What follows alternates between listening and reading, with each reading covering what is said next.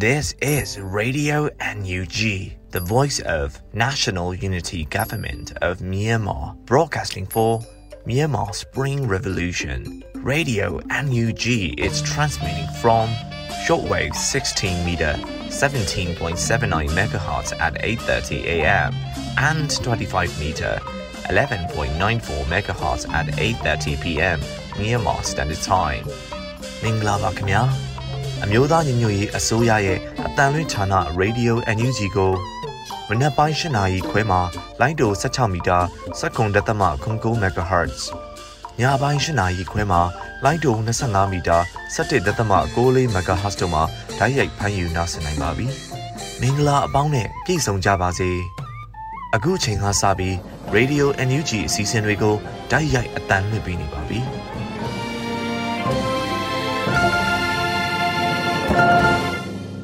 မြန်မာနိုင်ငံသူနိုင်ငံသားအပေါင်းတဘာဝပြီးဆရာနာရှင်ပြည်တို့ကနေကင်းဝေးပြီးကိုစိတ်နှစ်ပါးဘေးကင်းလုံခြုံကြပါစေလို့ရေဒီယိုအန်ယူဂျီဖွယ်သားများကဆုတောင်းမြတ်တာပို့သလာရပါတယ်ရှင်။ခုချိန်ကစပြီးကာကွယ်ရေးဝန်ကြီးဌာနရဲ့စီးရေးသတင်းချင်းချုပ်ကိုတော့မျိုးဦးမောင်မှဖတ်ကြားတင်ပြပေးပါရမရှင်။နိုင်စဉ်စီးရေးသတင်းအချင်းချုပ်ကိုတင်ဆက်ပေးပါမယ်။စစ်ကောင်စီတပ်သားကြဆုံ48ဦးစစ်ကောင်စီတပ်သားဒဏ်ရာရ18ဦး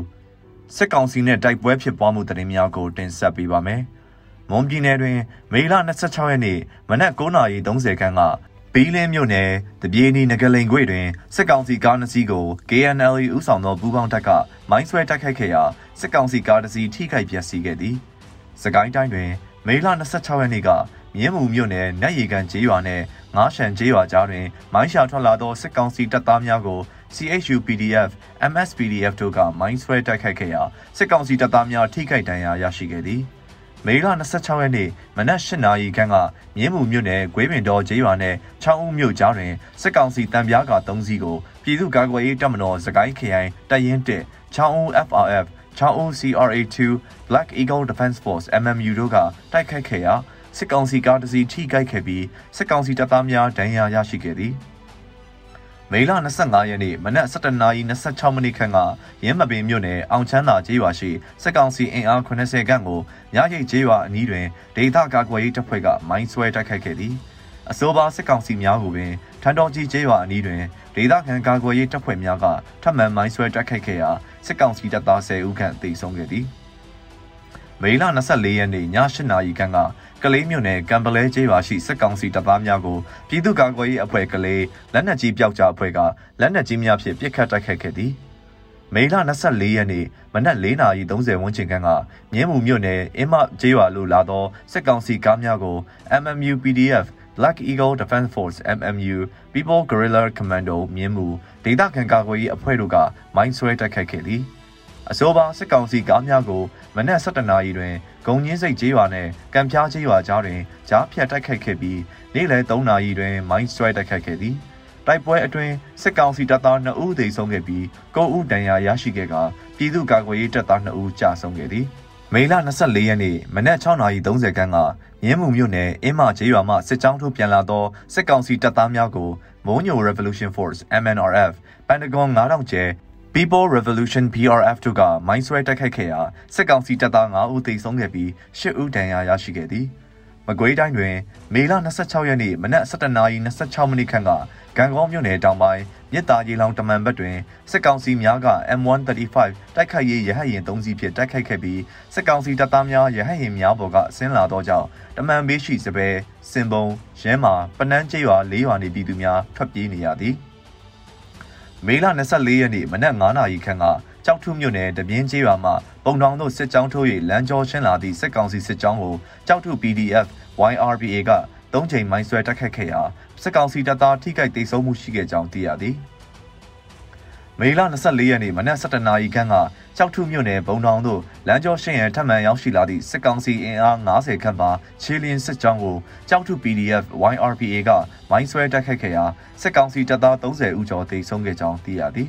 ။တနင်္သာရီတိုင်းတွင် မေလ24ရက်နေ့ညနေ9:00နာရီခန့်ကတနင်္သာရီမြို့နယ်တိန်တော်ကျေးရွာရှိစစ်ကောင်စီတပ်စခန်းကိုတောင်ပိုင်းပြည်ရဲကောင်းများကာကွယ်ရေးအင်အားစု SWDF ကပျောက်ကြားစနစ်ဖြင့်တွားရောက်ပစ်ခတ်ခဲ့ရာစစ်ကောင်စီတပ်သားတအုပ်သေဆုံးခဲ့သည်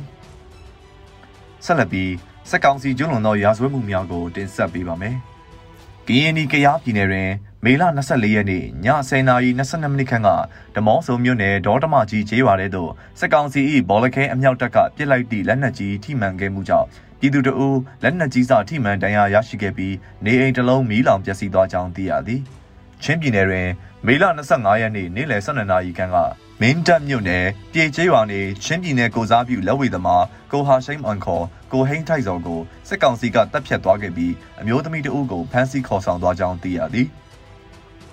စကိုင်းတိုင်းတွင်မေလ25ရက်နေ့ကရင်းမပင်မြို့နယ်မြရိတ်ကျေးရွာရှိပြည်သူပိုင်အဆောက်အဦ9လုံးစိတ်ထန်းတော်ကြီးကျေးရွာရှိပြည်သူပိုင်အဆောက်အဦ9လုံးတို့ကိုစစ်ကောင်စီတပ်သားများကဝင်ရောက်မိရှုဖျက်ဆီးခဲ့သည်။မေလ25ရက်နေ့နေ့လယ်တနာရီ30ခန်းကကလေးဝမြို့နယ်ကင်းကျေးရွာကိုစစ်ကောင်စီတပ်သားများကဝင်ရောက်မိရှုခဲ့သည်။မေလ25ရက်နေ့မနက်9နာရီခန့်ကရင်းမပင်မြို့နယ်အောင်ချမ်းသာကျေးရွာတပ်ဆွဲထားသည့်စစ်ကောင်စီအင်အား80ခန့်ကအောင်ချမ်းသာရွာကိုမိရှုဖျက်ဆီးခဲ့သည်။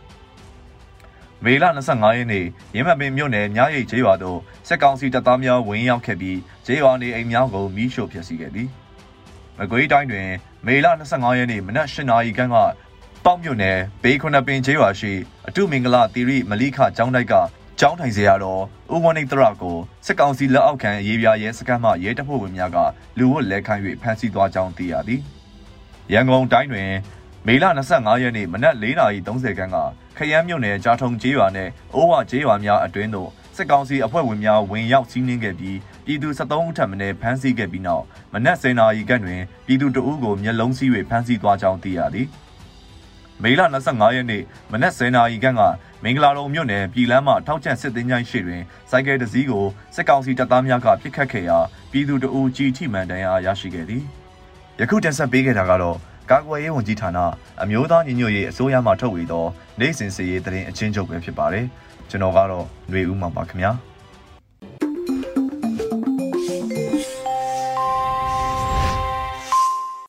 ရေဒီယိုအန်ယူဂျီမှာဆက်လက်တင်ပြနေပါတယ်။အခုဆက်လက်ပြီးနောက်ဆုံးရသတင်းများကိုအေရီမှဖတ်ကြားတင်ပြပေးပါရမရှင် မင်္ဂလာပါရှင်အခုချိန်ကစပြီး Radio NUG မနက်ခင်းသတင်းတွေကိုတင်ပြပေးတော့မှာဖြစ်ပါတယ်အခုတင်ပြပေးမယ့်သတင်းတွေကိုတော့ Radio NUG သတင်းတာဝန်ခံနေနဲ့ခိုင်လုံတဲ့မိဖက်သတင်းအရင်းမြစ်တွေကနေအခြေခံထားတာဖြစ်ပါတယ်ကျွန်မကတော့ Airy ပါရှင်ပထမဆုံးအနေနဲ့မြေပြင်ဦးဆောင်သူတွေနဲ့ပြည်သူလူထုတက်ကြွစွာပါဝင်နေတာကြောင့်တချို့တိုင်းဒေသကြီးတွေမှာစိုးမိုးနယ်မြေတွေပုံမှုတိုးမြင့်လာနေပြီဖြစ်တယ်လို့ပြည်ထောင်စုဝန်ကြီးချုပ်ပြောကြားလိုက်တဲ့သတင်းကိုတင်ပြပေးပါမယ်။ မေလ26ရက်နေ့မှာကျင်းပတဲ့ဂျားကာလာဒေသန္တရပြည်သူ့အုပ်ချုပ်ရေးဖော်ဆောင်မှုဗဟိုကော်မတီအစည်းအဝေး73မြင်းဆောင်2022မှာမြေပြင်ဦးဆောင်သူတွေနဲ့ပြည်သူလူထုတက်ကြွစွာပါဝင်ဆောင်ရွက်နေတာကြောင့်တချို့တိုင်းဒေသကြီးတွေမှာစိုးမိုးနယ်မြေတွေပုံမှုတိုးမြင့်လာနေပြီဖြစ်တယ်လို့ပြည်ထောင်စုဝန်ကြီးချုပ်မန်းဝင်းခိုင်တန်းကပြောကြားလိုက်ပါတယ်။ မြေပြင်အုပ်ချုပ်ရေးလုပ်ငန်းတွေတစားတစပုံမှုများပြားလှုပ်ဆောင်ရန်လိုလားကြောင်း CRPH ချားခံ၍တိုင်းဒေသကြီးလွှတ်တော်ကိုစားပြုကော်မတီတွေနဲ့တွဲဆုံခဲ့မှုမှာမြေပြင်လိုအပ်မှုတွေပေါ်အတက်နိုင်ဆုံးဖြည့်ဆည်းလှုပ်ဆောင်ပေးကြဖို့နဲ့ဆွေးနွေးချက်တွေကိုမှတ်တမ်းတင်ထားဖို့ပုံမှန်တွေ့ဆုံမှုတွေပြုလုပ်သွားကြရန်လိုကြောင်းမြေပြင်ဦးဆောင်သူတွေနဲ့ပြည်သူလူထုတက်ကြွစွာဆောင်ရွက်နေတာကြောင့်တချို့တိုင်းဒေသကြီးတွေမှာစိုးမိုးနယ်မြေတွေပုံမှုတိုးမြင့်လာနေပြီဖြစ်ကြောင်း ERO ထိန်းချုပ်နယ်မြေတွေနဲ့ဆက်ဆက်နေတဲ့တိုင်းဒေသကြီးနယ်မြေတွေမှာအုပ်ချုပ်ရေးလုပ်ငန်းစဉ်တွေဆောင်ရွက်တဲ့နေရာမှာမိမိတို့အနေနဲ့ရောထွေးဆွတ်ဖက်ခြင်းမျိုးမဖြစ်အောင်ကြိုတင်စဉ်းစားပြီးပြင်ဆင်ဆောင်ရွက်ထားကြဖို့အရေးကြီးကြောင်းပြည်ထောင်စုဝန်ကြီးချုပ်ကပြောကြားခဲ့ပါတယ်။ဆက်လက်ပြီးစနစ်မြင့်ဆောင်2022အစည်းအဝေးရဲ့ရှေ့လုပ်ငန်းစဉ်တွေအကောင့်ထဲဖော်မှုလုပ်ငန်းပြီးစီးတဲ့အခြေအနေကိုပြည်ထရေးနဲ့လူဝင်မှုကြီးကြပ်ရေးဝန်ကြီးဌာနတွဲဘက်အတွင်းဝင်ဒေါက်တာမြင့်လှဟန်ကအစီရင်ခံတင်ပြခြင်း စီမံကိန်းဗဏ္ဍာရေးနဲ့ရင်းနှီးမြှုပ်နှံမှုဝန်ကြီးဌာနဒုတိယဝန်ကြီးဦးမင်းစရာဦးက NUG ပေးနဲ့ပတ်သက်ပြီးရှင်းလင်းတင်ပြခြင်းအတိုင်းအမြန်ကောင်စီတွေနဲ့တွဲဆုံနိုင်ရေးကိစ္စတွေမြေပြင်ပြဿနာရက်တွေပေါ်ပအဖပကဖနဲ့ PDF တွေအကြားအချိတ်ဆက်မိမိပူးပေါင်းလှုပ်ရှားဆောင်ရွက်နိုင်ရေးကိစ္စရက်တွေရှေ့လုပ်ငန်းစဉ်တွေစတာတွေကိုအကျယ်တဝင့်ဆွေးနွေးခဲ့ကြပါတယ်။အစည်းအဝေးကိုဝန်ကြီးချုပ်မန်ဝင်းခိုင်တန်းနဲ့အတူပြည်ထောင်စုဝန်ကြီးတွေဒုတိယပြည်ထောင်စုဝန်ကြီးတွေအမြဲတမ်းအတွင်းဝင်နေနဲ့ဗဟိုကော်မတီကတာဝန်ရှိသူတွေတက်ရောက်ခဲ့ကြတယ်လို့သတင်းရရှိပါတယ်ရှင်။အခုဆက်လက်ပြီးပြည်သူအောင်ပွဲနီးကပ်နေပြီလို့ပြည်ထောင်စုဝန်ကြီးဒေါက်တာစောဝေဆိုပြောကြားလိုက်တဲ့သတင်းကိုတင်ပြပေးပါမယ် မေလနောက်ဆုံးပတ်အတွင်းမှာပြည်သူမှပြည်သူတို့တွေ့ဆုံမေးမြန်းတဲ့အစီအစဉ်မှာအမျိုးသားညီညွတ်ရေးအစိုးရပညာရေးနဲ့ကျန်းမာရေးဝန်ကြီးဒေါက်တာစောဝေဆိုကပြည်သူအောင်ပွဲနီးကပ်နေပြီဖြစ်တယ်လို့ဆိုလိုက်ပါတယ်။အောင်ပွဲကတော်တော်နီးနေပြီမြင်နေရပြီကျွန်တော်တို့ကပြည်သူတွေနဲ့နေတဲ့အတွက်အမှန်တရားကိုထောက်ခံတဲ့လူတွေအမှန်တရားကိုမြင်တဲ့သူတွေနဲ့စကားပြောလို့ရတယ်ပြည်သူတွေကိုပြောချင်တာကအောင်ပွဲကအတော့ကိုနီးကပ်နေတဲ့အချိန်ကိုယ့်အသက်ကိုလည်းစောင့်ရှောက်ရမယ်ကျန်းမာရေးလည်းအရေးကြီးတယ်လို့ဝန်ကြီးကဆိုခဲ့တာပါ စစ်ကောင်စီတပ်တွေကိုပြည်သူခုခံစစ်ဆင်နွှဲဖို့အမျိုးသားညီညွတ်ရေးအစိုးရက2021ခုနှစ်စက်တင်ဘာလ9ရက်နေ့မှာကြေညာခဲ့တာဖြစ်ပါတယ်ရှင်။ဆက်လက်ပြီးစစ်ကောင်စီကဖွဲ့စည်းလျက်ရှိတဲ့ပြည်သူ့လုံခြုံရေးအဖွဲ့အမည်ခံအကြမ်းဖက်အဖွဲ့တွေမှာပါဝင်ခြင်းမပြုကြဖို့အမျိုးသားညီညွတ်ရေးအစိုးရကာကွယ်ရေးဝန်ကြီးဌာနကထုတ်ပြန်ကြေညာလိုက်တဲ့သတင်းကိုတင်ပြပေးပါမယ်။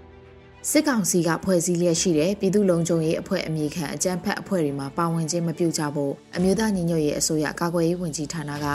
တားမြစ်ခြင်းထုတ်ပြန်ကြေညာချက်အမှတ်3မြင်းဆောင်2022ထုတ်ပြန်ပြီးကြေညာလိုက်ပါတယ်။အဆိုပါထုတ်ပြန်ချက်အပြည့်အစုံမှာ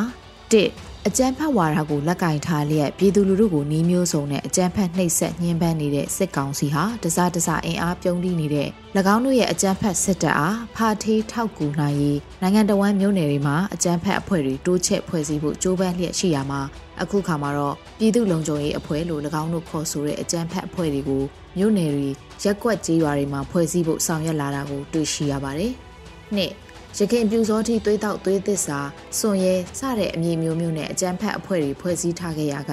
အခုအခါစစ်ကောင်စီဟာပြည်သူချင်းအကြမ်းဖက်ရန်ပြုစီလျက်၎င်းအတွက်ထွက်ပေါက်ရှာဖွေဖို့ရည်ရွယ်တဲ့မူဝါဒတစ်ခုချမှတ်ပြီး၎င်းကိုယ်တိုင်ဓာတ်ရိုက်စီမံကုတ်ကဲမဲ့ပြည်သူလုံခြုံရေးအဖွဲ့အမည်ရတဲ့အကြမ်းဖက်အဖွဲ့ကိုစစ်အုပ်စုအလို့တော်၏နိုင်ငံရေးပါတီနဲ့အသင်းအဖွဲ့တွေရဲ့ပါဝင်မှုနဲ့ဖွဲ့စည်းဖို့ကြိုးစားနေခြင်းဖြစ်သည် ၃စစ်ကောင်စီကိုအကြမ်းဖက်အဖွဲ့အစည်းအဖြစ်ပြည်ထောင်စုလွှတ်တော်ကိုစားပြုကော်မတီက၎င်းအမျိုးသားညီညွတ်ရေးအစိုးရက၎င်းတတ်မှတ်ကြေညာထားပြီးဖြစ်သဖြင့်စစ်ကောင်စီနဲ့စစ်ကောင်စီအကြမ်းဖက်မှုလုပ်ငန်းတွေမှာထောက်ကူပေးတဲ့လူပုဂ္ဂိုလ်နဲ့အဖွဲ့အစည်းတွေအားလုံးဟာအကြမ်းဖက်မှုတိုက်ဖြတ်ရေးဥပဒေနဲ့ညီစွန်းလျက်ရှိပြီးဥပဒေနည်းလမ်းအရာဖြစ်စေစီရေးနည်းလမ်းအရာဖြစ်စေအရေးယူခြင်းခံရမည်ဖြစ်သည်၄ စစ်ကောင်စီပြန်ကြားရေး၏ထုတ်ဖော်ပြောဆိုချက်တွေအရစစ်ကောင်စီဟာပြည်သူ့လုံခြုံရေးအဖွဲ့အပါအဝင်အရက်သားတွေပါဝင်တဲ့ကာကွယ်ရေးစနစ်တနည်းပြည်သူကိုပြည်သူနဲ့ပြန်ရန်တိုက်ပေးတဲ့အကြမ်းဖက်စနစ်ကိုဖော်ဆောင်သွားမည်ဖြစ်ကြောင်းပါဝင်ဆောင်ရွက်သူတွေကိုစစ်ပညာသင်ကြားပေးခြင်းအကြမ်းဖက်နည်းလမ်းတွေပို့ချခြင်းလက်နက်တပ်ဆင်ပေးခြင်းတွေဆောင်ရွက်မှာဖြစ်ကြောင်းသိရှိရပြီးဖြစ်သည် ကာကွယ်ရေးဝန်ကြီးဌာနအနေနဲ့၎င်းပြည်သူလုံခြုံရေးအဖွဲ့ဖွဲ့စည်းပုံနဲ့ပါဝင်တဲ့အသင်းအဖွဲ့တွေလူပုဂ္ဂိုလ်တွေနဲ့ပတ်သက်တဲ့သက်သေအထောက်အထားတွေကိုလည်းရရှိထားပြီးဖြစ်သည်။ငါတို့ဖြစ်၍စစ်ကောင်စီကဖွဲ့စည်းသောပြည်သူ့လုံခြုံရေးအဖွဲ့တွေနဲ့အဖွဲ့ဝင်တွေကိုအရက်သားအဖြစ်မှတ်ယူ၍မရတော့တဲ့အတွက်အကြမ်းဖက်ထောက်တိုင်စီရေးပြစ်မှတ်များအဖြစ်သတ်မှတ်ခါစီရေးနီးလန်းအရာအရေးယူဆောင်ရွက်သွားရမည်ဖြစ်သည်6 ပြည်သူ့လုံခြုံရေးအဖွဲ့မှပါဝင်ဖို့အတင်းကျပ်ဖိအားပေးခိုင်းစေခံရတဲ့ပြည်သူတွေအနေနဲ့၎င်းအဖွဲ့ကိုအမြန်ဆုံးဆွန့်ခွာပြီးတပ်ဆိုင်ရာပြည်သူ့ကာကွယ်ရေးတရင်တပ်ဖွဲ့တွေထံတရင်ပေးပို့၍လက်နက်အနှံပူးပေါင်းဆောင်ရွက်ကြဖို့တိုက်တွန်းအပ်သည်ခုနှစ်ပြည်သူလူထုအနေနဲ့လည်းစစ်ကောင်စီကပြည်သူလုံခြုံရေးအဖွဲ့ဟုဆိုကလူအင်အားစုဆောင်းလာမှုကိုလုံးဝလက်မခံဆန့်ကျင်ကြဖို့နဲ့မိမိတို့ရက်ရွာအတွင်းအကြမ်းဖက်အဖွဲ့ဝင်ထောက်တိုင်တွေအဖြစ်ပါဝင်ဆောင်ရွက်နေမှုတွေကိုသိရှိရပါက info2mod telegram တို့၎င်း info2mod@protongmail.com email လိပ်စာတို့၎င်းအထောက်အထားတွေနဲ့တကွသတင်းပေးပို့တိုင်ကြားနိုင်ကြဖို့ထုတ်ပြန်ကြေညာအပ်ပါသည်လို့ဖော်ပြပါရှိပါတယ်ရှင်။အခုတခါမြိုင်မြို့နယ်မှာចောင်းသားပေါင်းတထောင်ကျော်ကိုပြည်သူအစိုးရလက်ထက်တင်ယိုးညွန်းနှံ့နေအပါအဝင် NUG အစိုးရရဲ့ဂျားကာလပညာသင်ကြားရေးဗီဒီယိုတွေနဲ့ပါသင်ကြားပေးလျက်ရှိနေတဲ့တဲ့တင်ကိုတင်ပြပေးပါမယ်။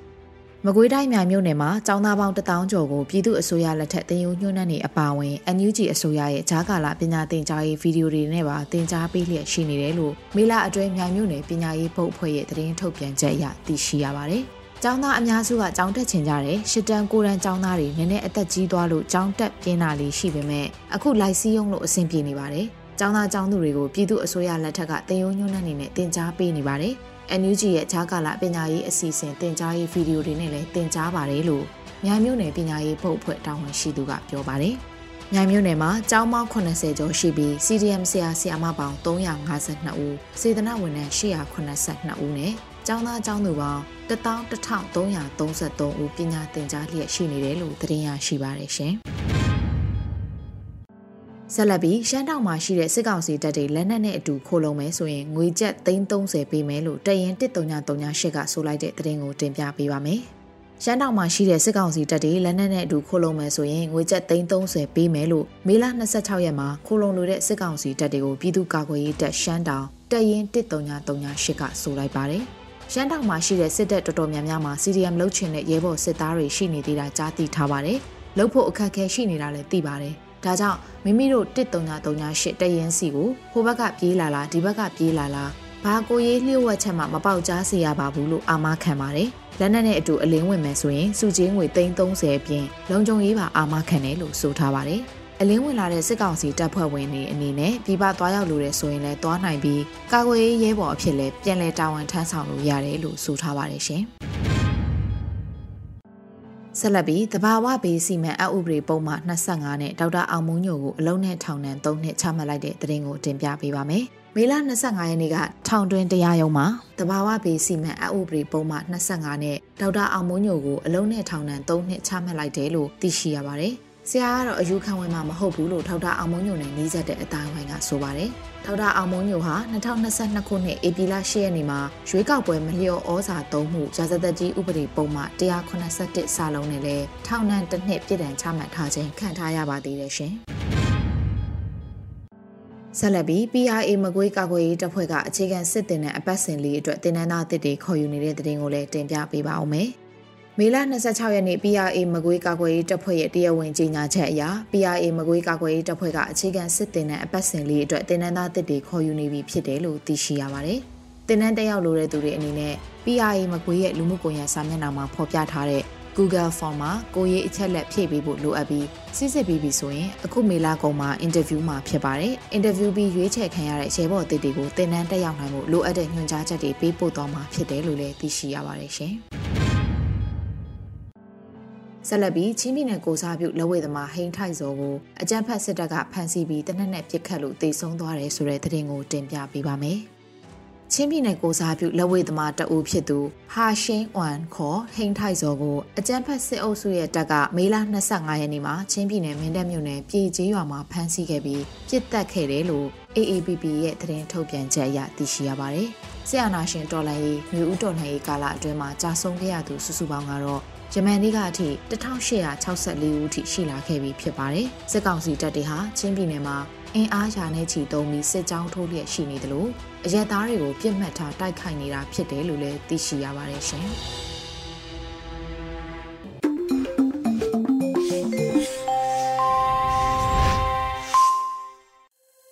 ရေဒီယိုအန်ယူဂျီမှာဆက်လက်တင်ပြနေပါတယ်။အခုတခါ PPTV ရဲ့နေ့စဉ်သတင်းများကိုတော့မျိုးတော်တာမှ ဖတ်ကြားတင်ပြပေးပါမယ်ရှင်။အခုတင်ဆက်ပေးမှာကတော့အကြံဖက်စိတ်ကောင်စီကဖွင့်တဲ့စာသင်ကျောင်းတွေမှာလုံခြုံရေးအန္တရာယ်ရှိနိုင်လို့ကျောင်းအနှံခြင်းမပြုရန်မင်တပ်ပအဖကပန်ကြားချက်ထုတ်ပြန်လိုက်တဲ့သတင်းကိုတင်ဆက်ပေးပါမယ်။ အကြမ်းဖက်စစ်ကောင်စီဖွင့်လှစ်မဲ့စာသင်ကျောင်းတွေမှာလုံခြုံရေးအန္တရာယ်ရှိလာနိုင်တဲ့အတွက်ကြောင့်မိဘပြည်သူတွေအနေနဲ့ကျောင်းအနှံခြင်းမပြုလုပ်ကြဖို့ချင်းပြည်နယ်မင်းတပ်ခရိုင်မင်းတပ်မြို့နယ်အုပ်ချုပ်ရေးအဖွဲ့ကမေလ25ရက်စွဲနဲ့ထုတ်ပြန်လိုက်ပါတယ်။ ထုတ်ပြန်ချက်ထဲမှာလက်ရှိအခြေအနေတွေကမစ်တက်မြို့မှာအကြမ်းဖက်စက်ကောင်စီကဖွင့်လှစ်မဲ့စာသင်ကျောင်းတွေမှာတက်ရောက်မဲ့ကျောင်းသားကျောင်းသူတွေအတွက်လုံခြုံရေးအတရရှိလာနိုင်တယ်ဆိုတာနဲ့မိဘပြည်သူတွေအနေနဲ့အကြမ်းဖက်စက်ကောင်စီဖွင့်လှစ်မဲ့ကျောင်းမှာမအပ်ကြဖို့အတွက်တိုက်တွန်းထားတာတွေ့ရပါတယ်။ ကျောင်းသားတွေရဲ့ပညာရေးနောက်ကျကြံခြင်းမရှိစေဖို့အတွက်ကလည်းမင်းတပ်မြို့နယ်ပြည်သူ့အုပ်ချုပ်ရေးအဖွဲ့မြို့နယ်ပညာရေးဘုတ်အဖွဲ့ကဦးစီးဖွင့်လှစ်တဲ့ကျေးလက်ဒေသပြည်သူ့စာသင်ကျောင်းတွေမှာကျောင်းအနှံကြဖို့အတွက်လည်းပန်ကြားထားတာတွေ့ရပါတယ်။ အကြမ်းဖက်စစ်ကောင်စီကဖွင့်လှစ်မဲ့စာသင်ကျောင်းတွေမှာပြန်လည်စာသင်ကြားမဲ့နန်းစီတင်ပညာရေးဝန်ထမ်းတွေနဲ့မြို့ပေါ်မှာအကြမ်းဖက်စစ်ကောင်စီရဲ့ပညာရေးလေပတ်စင်ရန်ပါဝင်ကူညီအားပေးသူတွေကိုလည်းပြည်သူ့သစ္စာဖောက်တွေလို့သတ်မှတ်ပြီးပြည်သူ့တော်လှန်ရေးပြည်စုံတွေကလှုပ်ထုံးလုံနေတိုင်းအပြစ်ပေးအရေးယူသွားမှာဖြစ်တယ်လို့ဖော်ပြထားပါတယ် ဒါအပြင်မေတ္တမြို့နယ်အတွင်းလေပတ်မဲ့စာသင်ကျောင်းတွေအနေနဲ့လည်းအကြံဖက်စက်ကောင်စီနဲ့ချိတ်ဆက်ဆောင်ရွက်တာတွေမပြုလုပ်ကြဖို့အတွက်လည်းထုတ်ပြန်ချက်ထဲမှာသတိပေးထားတာတွေ့ရပါတယ်ဆက်လက်တင်ဆက်ပေးမှာကတော့အကြံဖက်စက်ကောင်စီတပ်တွေစစ်ကြောင်းထိုးလာလို့ရမပေမြို့နယ်နဲ့စလင်းကြီးမြို့နယ်ကကျေးရွာသားတွေဘေးလွတ်ရာကိုထွက်ပြေးနေရတယ်ဆိုတဲ့သတင်းမှာ စကိုင်းတိုင်းအတွင်းမှာအင်တာနက်ဖြတ်ဖုန်းလိုင်းတွေဖြတ်ပြီးတော့စစ်ကြောင်းထိုးနေတဲ့အကြမ်းဖက်စစ်ကောင်စီတပ်တွေကြောင့်ရမပေမြို့နယ်နဲ့စလင်းကြီးမြို့နယ်ကကျေးရွာတွေဒီနေ့မနေ့မှာပေးလို့ရကိုထွက်ပြေးတိမ်းရှောင်နေရတယ်လို့ရမပေမြို့နယ်သတင်းမှန်ပြန်ကြားရေးကသတင်းထုတ်ပြန်ပါတယ်။အကြမ်းဖက်စစ်တပ်ကဒီနေ့မနေ့၈နာရီခန့်လောက်မှာစလင်းကြီးမြို့နယ်ဝါတန်းကျေးရွာကိုဝင်ရောက်ပြီးတော့မိရှို့ဖျက်ဆီးမှုတွေပြုလုပ်နေတာဖြစ်တယ်လို့ရမပေမြို့နယ်သတင်းမှန်ပြန်ကြားရေးကထုတ်ပြန်ထားပါတယ်။ ရမပင်မြို့နယ်တဲကအောင်ချမ်းသာမြရိတ်နဲ့ဆယ်တတော်ကြီးကျေးရွာတွေကအိမ်တွေနဲ့စလင်းကြီးမြို့နယ်နဲ့ရမပင်မြို့နယ်ကျောင်းပသိမ်မုံရွာလမ်းမပေါ်ရှိမြောက်ရမသရလန်ကျေးကောက်ခံတဲ့ကိန်းအဆောက်အုံတွေအလုသမားလိုင်းခန်းတွေကိုလည်းအကြမ်းဖက်စစ်တပ်ကမေလ25ရက်မှာမိရှို့ဖျက်ဆီးမှုတွေပြုလုပ်ခဲ့ပါတယ်။ ဒါအပြင်ကံကုန်းကျေးရွာတုတ်တန်အနီးမှာလမ်းပြအဖြစ်ဖမ်းဆီးခေါ်ဆောင်လာတဲ့အပြစ်မဲ့အရက်သား2ဦးကိုလည်းတပ်ဖြတ်ခဲ့တယ်လို့ထုတ်ပြန်ထားပါတယ်။ဒေသခံသတင်းရင်းမြစ်တွေကိုကိုးကားပြီးလူထုຫນွေဦးသတင်းဌာနရဲ့ဖော်ပြချက်မှာတော့ဒေသခံတထောင်ကျော်ကစစ်ပေးရှောင်နေရပြီးအမိုးအကာတွေနဲ့အခြေခံစားသောက်ကုန်တွေလိုအပ်နေတယ်လို့ဆိုပါတယ်။ လက်ရှိချိန်မှာစစ်ပေးရှောင်နေရတဲ့ကျေးရွာ16ရွာအထိရှိထားတယ်လို့ဆိုထားပြီးအဲ့ဒါတွေကတော့ရမပေမြို့နယ်ရှိအောင်ချမ်းသာဆယ်လောင်အောင်ချမ်းအေးဆယ်လောင်ချောင်းမြရိတ်မြစိန်ရေကြည်ပင်ရေကြည်ပင်ရွာတဲ့ တေတော်ကြီးရွှေပန်းခိုင်ဆယ်ထတော်ကြီးရွှေပေကုန်းကျေးစာကြအုံတုံပင်ဘိန်းွယ်ချောင်းစတဲ့ကျေးရွာ15ရွာနဲ့ဆလင်းကြီးမြို့နယ်အတွင်းရှိရွာသားဂုံတော်ဒုံတော်ကံကုန်းကျေးရွာတို့ဖြစ်တယ်လို့လည်းသိရပါဗျ။ အခုတကတင်ဆက်ပေးမှာကတော့စစ်ပေးရှောင်တွေအတွက်ရန်ကုန်အခြေစိုက်ဒိမတ်တန်ယုံကကမ္ဘာစားနပ်ရိက္ခာစီစဉ် WFP ကနေတဆင့်အမေရိကန်ဒေါ်လာ3.8သန်းလှူဒန်းလိုက်တဲ့ဆိုတဲ့သတင်းမှာမြန်မာနိုင်ငံကစစ်ဘေးရှောင်ဒုက္ခသည်တွေအတွက်ရည်ရွယ်ပြီးတော့ရန်ကုန်အခြေစိုက်ဒိမတ်တန်ယုံက ကမ္ဘာစားနပ်ရိက္ခာအစီအစဉ် WFP ကနေတဆင့်အမေရိကန်ဒေါ်လာ3.8တန်းထောက်ပံ့ကူညီလှူဒန်းမှုတွေပြုလုပ်ပေးခဲ့တယ်လို့သတင်းထုတ်ပြန်လိုက်ပါတယ်။ဂယနီပြည်နယ်နဲ့ရှမ်းပြည်နယ်တောင်ပိုင်းကစစ်ဘေးဒုက္ခသည်စခန်းတွေစီကိုကမ္ဘာစားနပ်ရိက္ခာအစီအစဉ် WFP ရဲ့ဌာနေကိုယ်စားလှယ်ဖြစ်သူမစ္စတာစတီဖန်အင်ဒါဆန်မြန်မာနိုင်ငံဆိုင်ရာဒိမတ်တန်ယုံအကြီးအကဲမစ္စတာကရုကတ်တို့ကကိုယ်တိုင်သွားရောက်ပြီးတော့ထောက်ပံ့လှူဒန်းခဲ့တာဖြစ်ပါတယ်။ သူတို့အားလုံးဟာအသက်မွေးဝမ်းကြောင်းလုပ်ငန်းတွေပြန်လည်ထူထောင်နိုင်ဖို့အတွက်ကိုယ့်အိမ်ကိုယ့်ရွာကိုဘေးကင်းကင်းနဲ့ပြန်ချင်နေကြတယ်လို့ဒိမတ်တန်ယုံအကြီးကဲမစ္စတာကရုကကပြောကြားခဲ့ပါတယ်ကမ္ဘာစာနာရိက္ခာစီစဉ် WFP အနေနဲ့တောင်ကြီးမြို့မှာစာနာရိက္ခာသုံးလောင်ယုံစောက်ပြီးဂိမ်းနီပြည်သူတွေအတွက်ထောက်ပံ့မှုတွေလုပ်ပေးနေတယ်လို့ဆိုပါတယ်။ WFP ရဲ့မြန်မာဌာနေကိုယ်စားလှယ်မစ္စတာစတီဖန်အင်တာဆန်ကဒိန်းမရဲ့လှူဒန်းငွေတွေကိုမြန်မာနိုင်ငံတဝန်းလုံးကအရေးပေါ်အကူအညီလိုနေသူတွေစီပေးသွားမှာဖြစ်တယ်လို့ဆိုပါတယ်။အကြံဖက်စစ်ကောင်စီရဲ့နေမြေကျူးကျော်ထိုးစစ်ဆင်တွေကြောင့်မြန်မာနိုင်ငံတဝန်းကပြည်သူတွေကစစ်ပေးရှောင်အဖြစ်နဲ့ထွက်ပြေးနေရတာပါ။ UNDP ကထုတ်ပြန်ထားတဲ့စာရင်းတွေအရဆိုရင်တော့စစ်ပေးရှောင်အရေးအတွက်ကတသန်းနီးပါးထိရှိထားပါတယ်။ ကမ္ဘာစားနပ်ရိက္ခာစီစဉ် WFP ကလည်းနိုင်ငံတော်ဝန်ကနေရဆွန့်ခွာထွက်ပြေးရသူတွေကိုအကူအညီပေးဖို့အတွက်အကြမ်းဖက်စစ်ကောင်စီကိုဖိအားပေးပြောဆိုမှုတွေဒီနေ့မှပြုလုပ်ထားပါတယ်။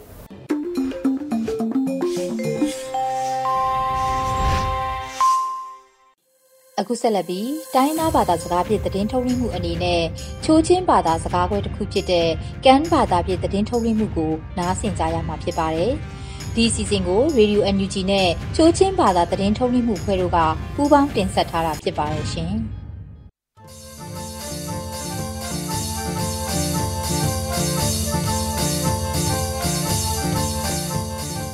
NUG Crow กางเรดิโอนำงายาปงเอน้อยไปเกยนาปุยปอสครั้งตูน้ำวันน้ำไรบอยตีละน้ำกดกันตุกกือเกยขาทุทางกันแทนอวยกุยเคสาละกะกะกืออลามาสึกนักไรกับเทตวนอรูรักละอำกานาเกดองอาเมนตาตาอมอซาอปุมอคอปิดเอ็นอนอยพี่แลมกุตีอมองอปานีนะรายกับเทตวนทันตางเมออนคุ้มใบกุตีอมองอปทุมโยเนปีนำไรกับตวนอำกานาเกดองอาရိုက်ကပ်သေးပကောရှိကတိအမောင်အပလီနာ NUGN စကိုင်ရမ်ခပွိလှငါခွေယာဂျူဒရှင်ပါဝါပကတိအမောင်အပငါနာရိုက်ကပ်သေးတူရက်ရပ်ဝေလာအမေရိကန်အိန္ဒိယဂျပန်ဩစတြေးလျတူဝေလာ NUGN ဂျမ်ကိုက်ကတိအမောင်အလမ်မချึกအိုင်ထံကုမ်ထောင်းနိကုမ်ထောင်းကုမ်နိခွိုက်ခရာထောင်းလေထုမ်နပမင်ဒတ်နိခွန်လေတာဂျီနေကိုင်ရိုက်ကပ်သေးတူန်စမ်ပကမေအမ်ဘူဘူလာအမ်ကာနာကေဒေါငါဒပ်ခော့စာအေတန် sha kai pung ama cha pum a kho pit en anoi phi alu pum lem ke ti la tamin tat pho sian ta ku net khon le ta ji ne kain sam pek me chung ruk la ka phu en toila ru pung ama cha กรากชีเอ็นอคุกลุยไก่อคอปิดเอ็นอนอยพี่อลูปุมาเล่มเอ็นอิมตูพีกาบรอนบรอนอุกตีอยากลอมกืออาคาซอกนามินดัดขปุยฮิโลวางะไรกับเทตูออนซีเดบมินดัดูกับกรูเอ็นไรกับเทปันนิสิกตีอยากลอมกืออปันนิออยทังกุมทองนี่กุมทองกุมนี่คอยคราทองเคทุ่มคงอยชีกาทันจังขคุยาอัมกากรูนักเมเยอออยอัมยากอนาไรกับเทตูขปุยคุยละชุดละอูเอ็น อิมตูเมออนคุมบายกตีลาตะชินเลนโพเซียนตะกืออาคาโจเอเมอุยนากาเสียงอินยัดกดออนวิกตอเรียเกมเจนักวางเออิมตูอุยเฮกตีลาอยา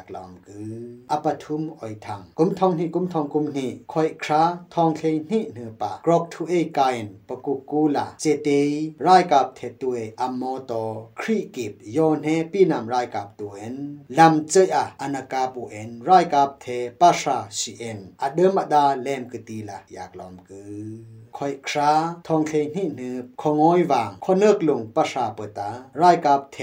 พระนิออนทุ่มกิบโมโตครีกิบปงญาลำเจอา BTF YRPF The Youth Force ซอออนกรอกทุบอกเอ็นมึงปรุกออนอำนากานาการายกับเทปะกกสีเอ็นอปุมเลมกตีละกรอกทุ BTF ทูคราปงเอ็นเดกื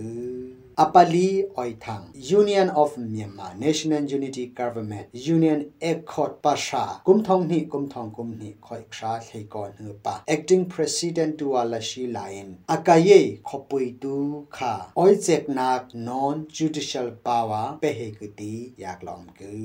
akha soi kho tu la kata khopui kolin khopui kampalu khopui panmok khopui chonhla khopui indo khopui thi chai khopui kani khopui ဝက်လက်ခပွီအရာတော်ခပွီမြင်းမှုခပွီတန့်ဆေခပွီခင်ဦးခပွီတမူခပွီရင်းမပင်ခပွီလာကရောက်ကတိမတ်လောင်ကူ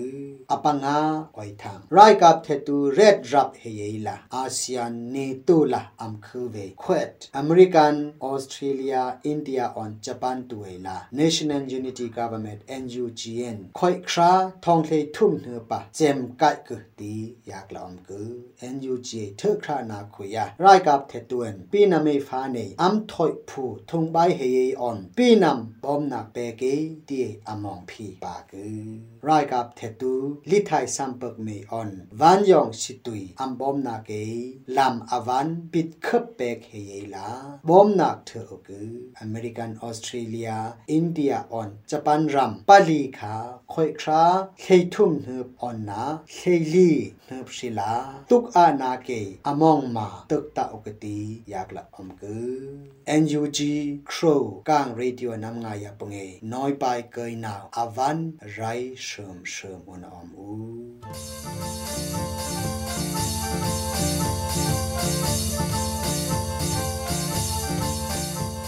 Đi cái này cả rồi ဒီညနေပဲ Radio NUG ရဲ့အစည်းအဝေးကိုခਿੱတရရနိုင်ပါမယ်. မြန်မာစံတော်ချိန်မနက်၈နာရီခွဲနဲ့ည၈နာရီခွဲအချိန်တွေမှာပြန်လည်ဆုံးဖြတ်ကြပါစို့ Radio NUG ကိုမနက်ပိုင်း၈နာရီခွဲမှာလိုင်းဒို16မီတာစက္ကန့်တသမ9 MHz ညပိုင်း၈နာရီခွဲမှာလိုင်းဒို25မီတာ17သမ6 MHz တို့မှာဓာတ်ရိုက်ဖမ်းယူနိုင်နိုင်ပါပြီမြန်မာနိုင်ငံသူနိုင်ငံသားများကိုစိတ်နှပြကျမ်းမာချမ်းသာလို့ဘေးကင်းလုံခြုံကြပါစေလို့ Radio NUG အဖွဲ့သူအဖွဲ့သားများကဆုတောင်းလိုက်ရပါတယ်။အမျိုးသားညီညွတ်ရေးအစိုးရရဲ့စက်သွေးရေးတရင်အချက်အလက်နဲ့ဤပညာဝန်ကြီးဌာနကထုတ်လွှင့်နေတဲ့ Radio NUG ဖြစ်ပါတယ်။ San Francisco Bay Area အခြေစိုက်မြန်မာမိသားစုများနဲ့နိုင်ငံတကာကစေတနာရှင်များလှုပ်အားပေးများရဲ့ Radio NUG ဖြစ်ပါတယ်